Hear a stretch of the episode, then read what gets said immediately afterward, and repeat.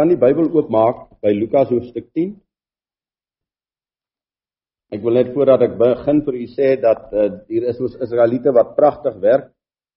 En nou broer Johan Viljoen, hy het met die kamp nou in Bloemfontein het hy nou vir my so 'n paar papiertjies in my hand gesit want al die manne is besig met Bybelstudie en dit gaan oor die gelykenis van die barmhartige Samaritaan en uh op grond van pragtige gedagtes het ek gesê nou maar goed dan sal ek 'n hele reeks boodskappe maak oor die barmhartige Samaritaan en uh die volle rykdom van hierdie gelykenis na vore bring wat so wan gebruik word in die tyd waarin ons lewe.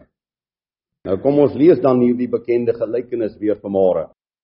Vanaf vers 25 Lukas 10 En daar het 'n sekere wetgeleerde opgestaan wat hom versoek het deur te sê: "Meester, wat moet ek doen om die ewige lewe te beerwe?"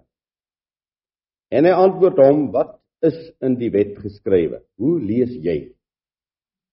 En hy antwoord: "Jy moet Jawe, jou Almagtige of jou Elohim, lief hê uit jou hele hart en uit jou hele siel en uit jou hele krag en uit jou hele verstand en jou naaste soos jouself." Toe sê hy vir hom: "Jy het reg geantwoord. Doen dit en jy sal lewe." Maar hy wou homself regverdig en sê vir Yeshua: "En wie is my naaste?" En Yeshua antwoord en sê: "'n sekere man het afgegaan van Jerusalem na Jerigo en onder die rowers verval. En nadat hulle hom uitgetrek en geslaan het, gaan hulle weg en laat hom half dood lê."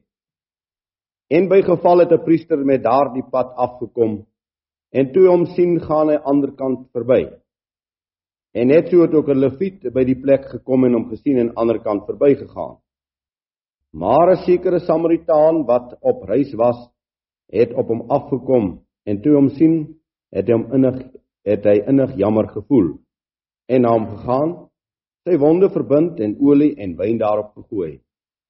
Hy het hom toe op sy eie pakdier gehelp en hom na 'n herberg geneem en vir hom gesorg. En toe hy die volgende môre weggaan, haal hy twee pennings uit en gee dit aan die eienaar van die herberg en sê vir hom: "Sorg vir hom.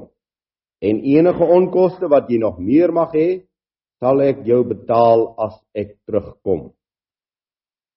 Wie dan van hierdie drie dink jy was die naaste van hom wat onder die rowers verval het?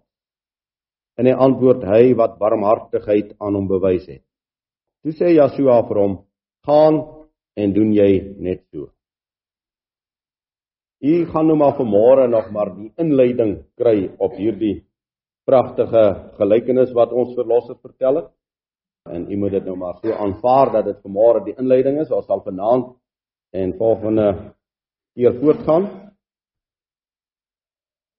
Geliefdes in die boodskap, so bekend vir baie van u, wie is my naaste? het daar sekerlik maar 'n klein gedeelte van hierdie gelykenis en die waarheid van hierdie gelykenis na vore gekom. In die volmaaktheid, luister wat ek sê, in die volmaaktheid van die prediking en van die lering van ons koning toe in in die vlees gewandel het op op aarde in hierdie volmaakte prediking van hom en lering daarna sal ons al skerper moet kyk En ons sal ons al meer moet oopstel voor die lering van die Heilige Gees uit hierdie woord. Hy kom stap op hierdie aarde rond en hy sê vir hulle in sy tyd te Matteus 5 vers 17. Ek het nie gekom om die wette of die profete te ontbind nie, maar om dit in vervulling te laat gaan. Korrekte vertaling, te laat gaan want hy het gekom as die sentrale figuur as die een wat aanbid moet word. As die magtige skepper die onderhouer van alle dinge.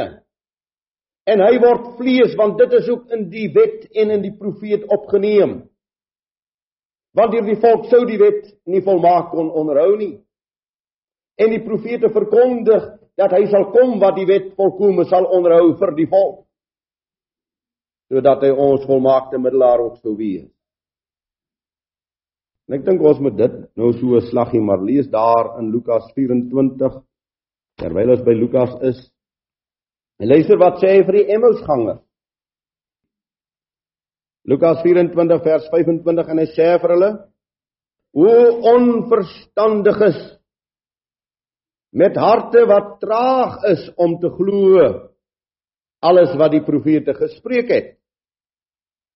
Moes die Messia nie hierdie dinge lei en in sy heerlikheid ingaan. En nou en hy begin van Moses en al die profete, dit wil sê hy begin by die wet en al die profete en vir hulle uitgelê in al die skrifte die dinge wat op hom betrekking het. Geliefdes, so die die wet en die skrifte, die profete dui op ons koning en op ons saligmaker. U en my verhouding gaan vermore om hom. Ons aanbidding gaan om hom. Ons is hier saam omdat ons 'n koning het. Hulle gooi vir Stefanus dood met klippe. Waarom gooi hulle hom dood met klippe? Omdat hy vir hulle sê o, julle hardnekkiges.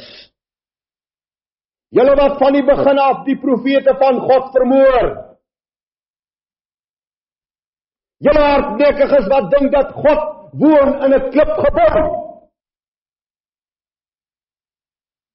Toe gooi hulle hom dood. Want hy tag hulle ou kerkies aan. As God Jahwe nie in jou en in my hart woon nie, dan is ons godsdiens nutteloos. Hy kom leer en hy sê vir ons in Matteus 22. Aan hierdie twee gebooie hang die hele wet en die profete. Jy moet Jahwe lief hê soos hierdie skrifgeleerde sê. Julle hart, siele, verstand, jou naaste soos jouself.